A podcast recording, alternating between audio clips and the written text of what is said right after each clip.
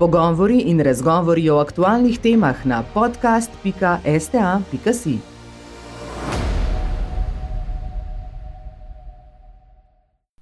Dobrodošli pri podkastu Slovenske tiskovne agencije EU Konkretno, v okviru katerega vam predstavljamo različne vidike, programe in projekte Evropske unije ter učinke, ki jih ima na evropske državljane, tudi v Sloveniji. Evropska komisija je lani zagnala projekt oblikovanja zdravstvene unije, pod njenim okriljem pa tudi organ za pripravljenost in odzivanje na izredne zdravstvene razmere HERA. EU naj bi bila tako pripravljena na hitrejše odzivanje, da se kaos, kot je bil ob začetku izbruha COVID-19, ne ponovi.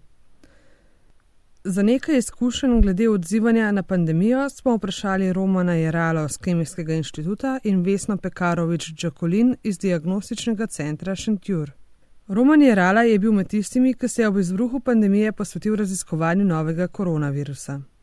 Torej, odziv glede, v kontekstu COVID-a je seveda bil odvisen od časa. Ne. Na začetku seveda nismo vedeli, kako hudo je, da, kaj, kaj, kaj bo prišlo. Z mojih izkušenj lahko rečem, da takrat, ko, ko so v Italiji te številke zelo, zelo rasle, ko, ko je število mrtvih naraščalo, smo seveda rekli, da pač moramo narediti nekaj, kar se da takrat, eh, recimo, konkretno smo so začeli sodelovati v nekem evropskem konzorciju projekta za neka antivirusna zdravila in smo se praktično čez vikend odločili, da, da preusmerimo raziskave na temo, na temo COVID-a.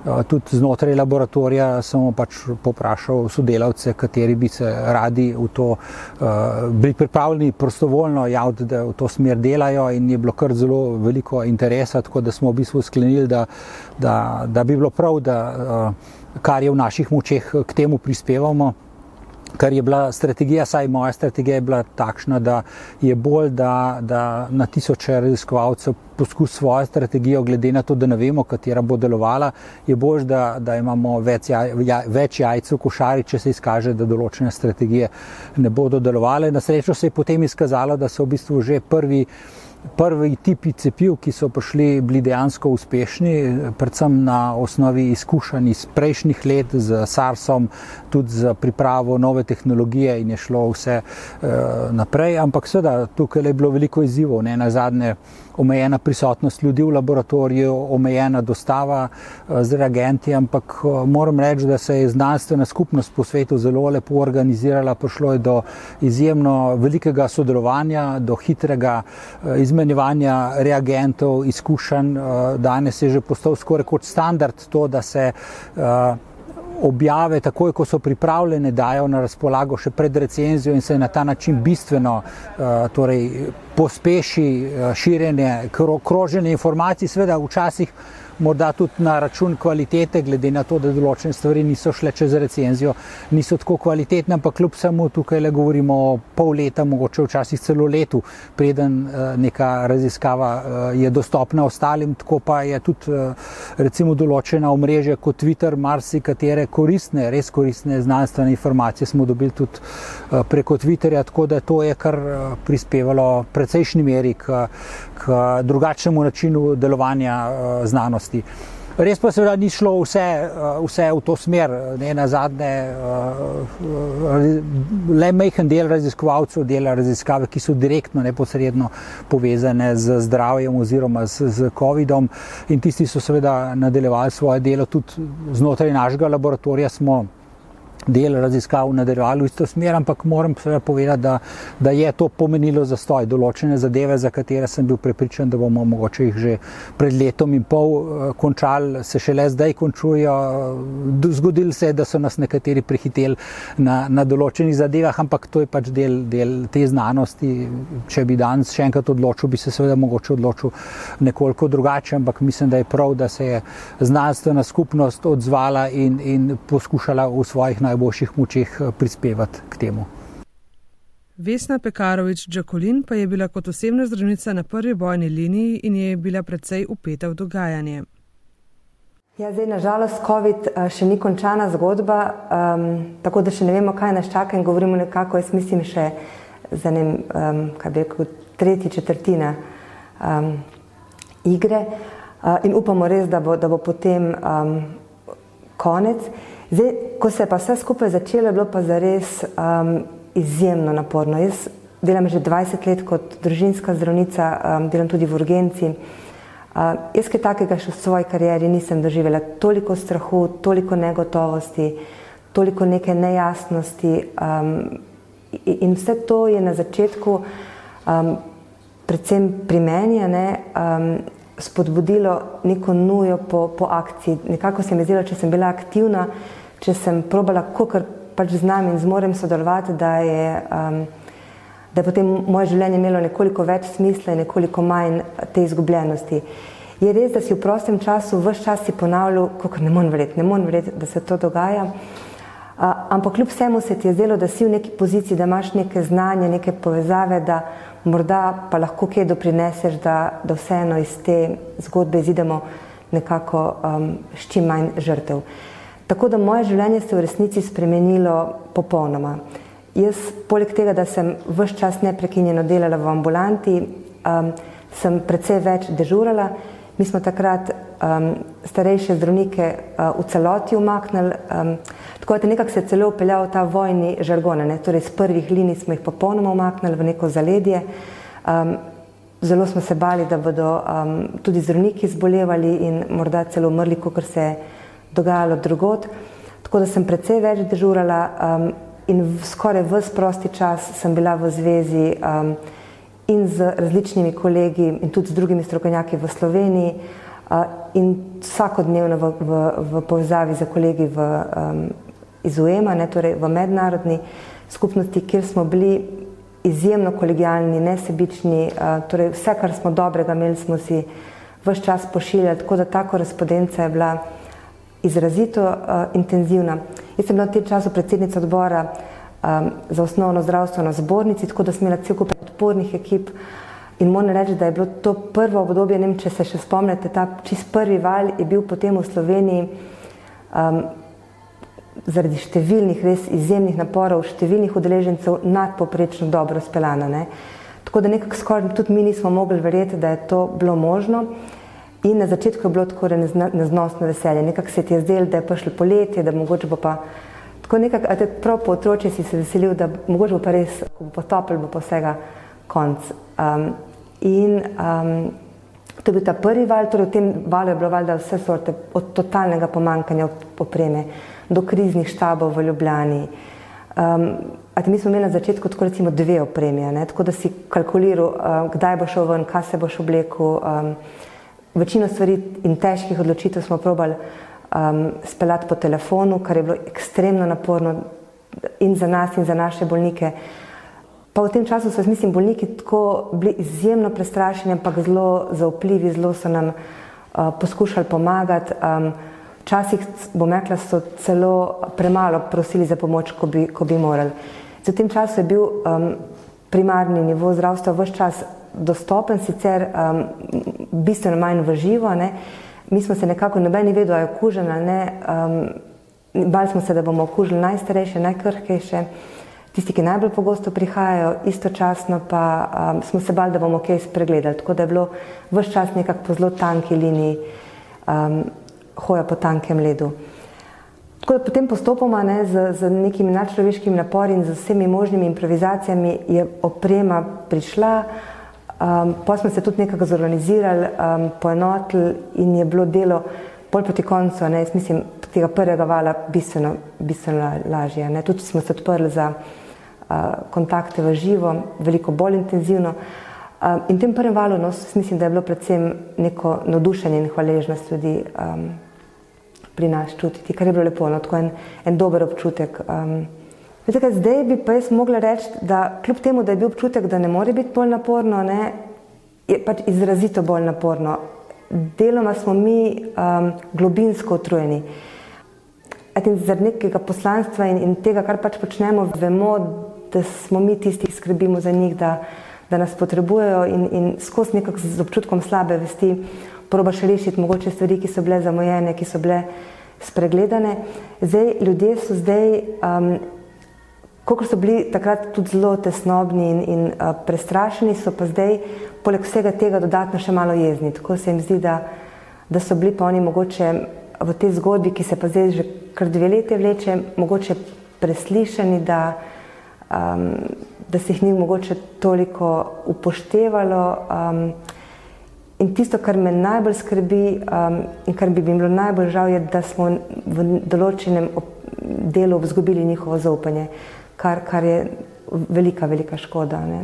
Ti si zaupanje gradiš zelo počasi, v dolgem obdobju, težko si ga gradiš in zgubiš ga pa relativno hitro in, in ga potem težko dobiš nazaj, tako enostavno. Ne.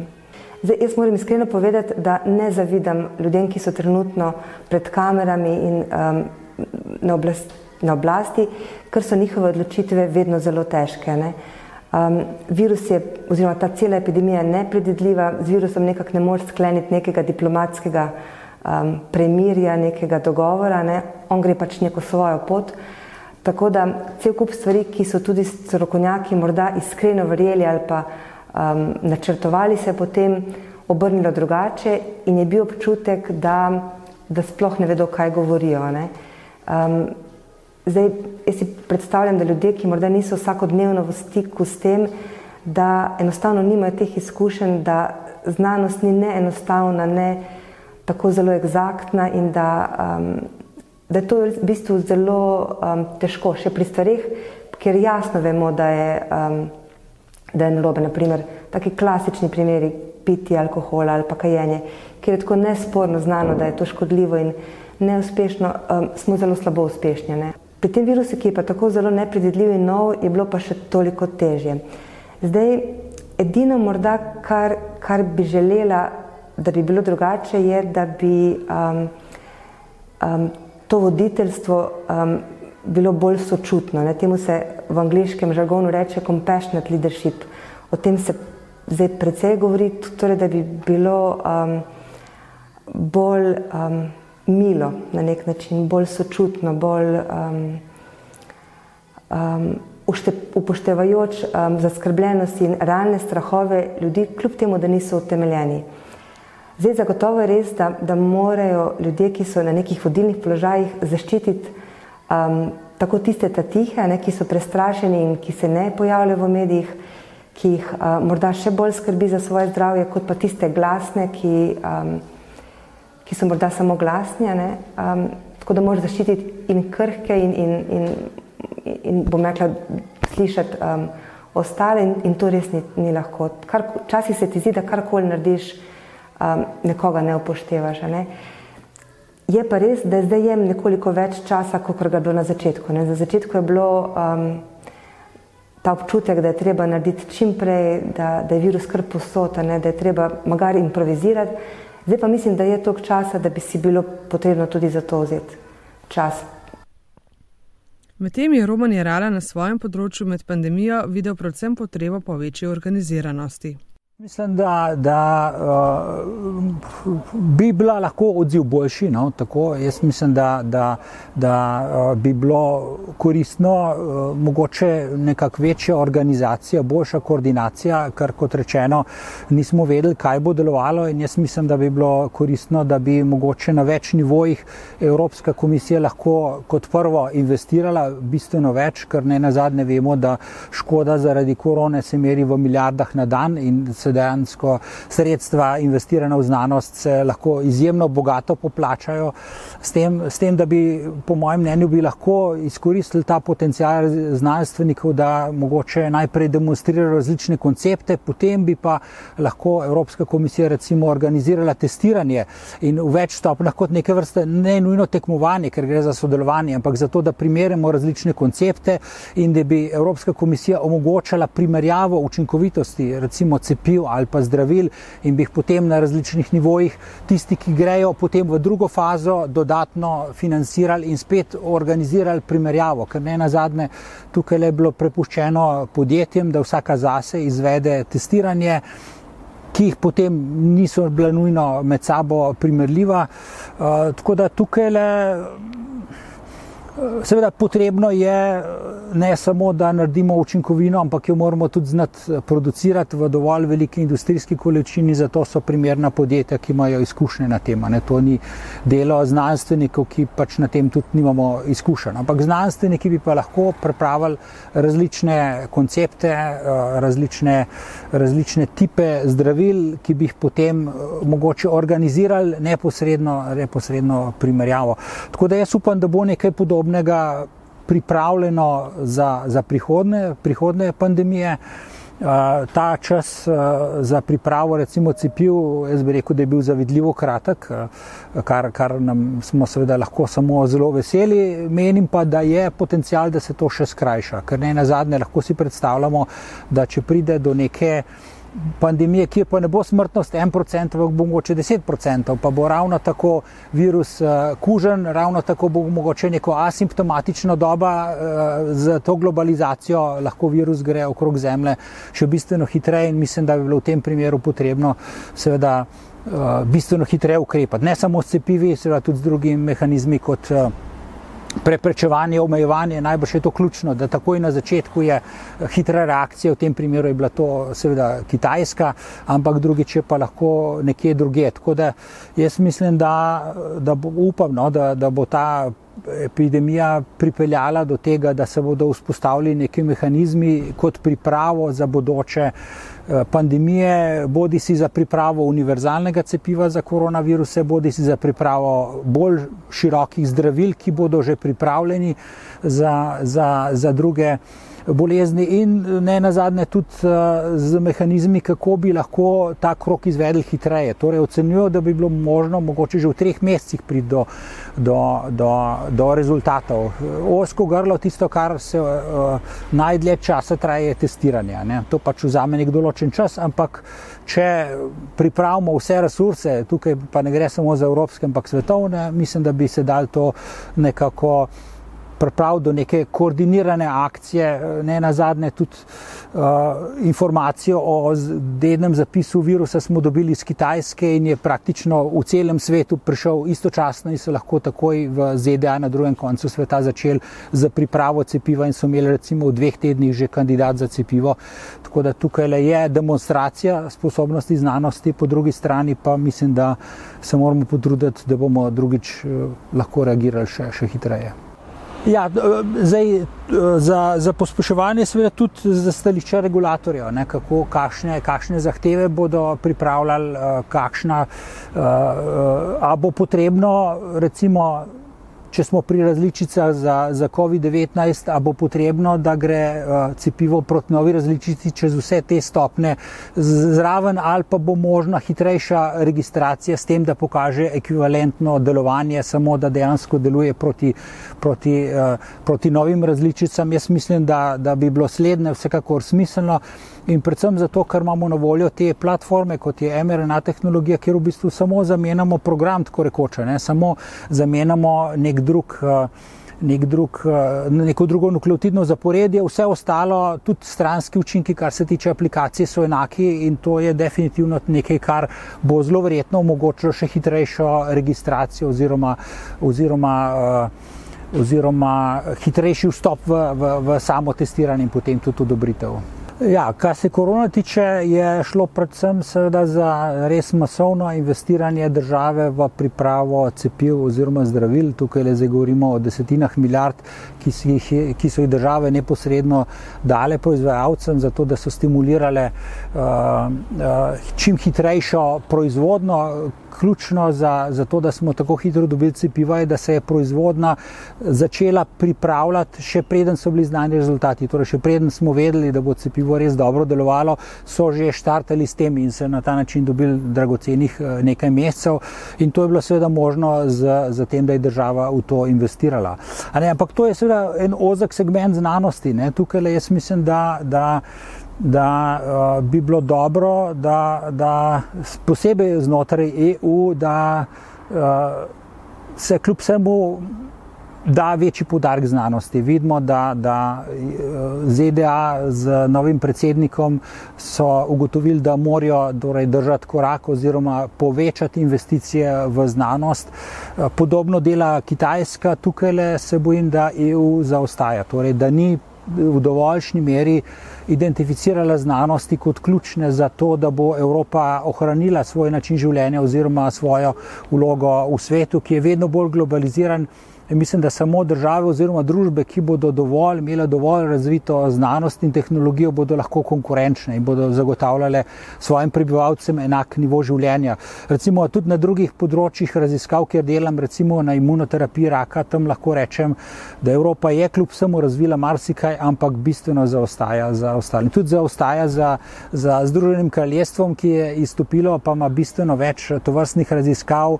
Kitajska ima bistveno več kliničnih raziskav, recimo za imunoterapijo raka na število prebivalcev. Pa pogledajte, kako velika je Kitajska v primerjavi z EU.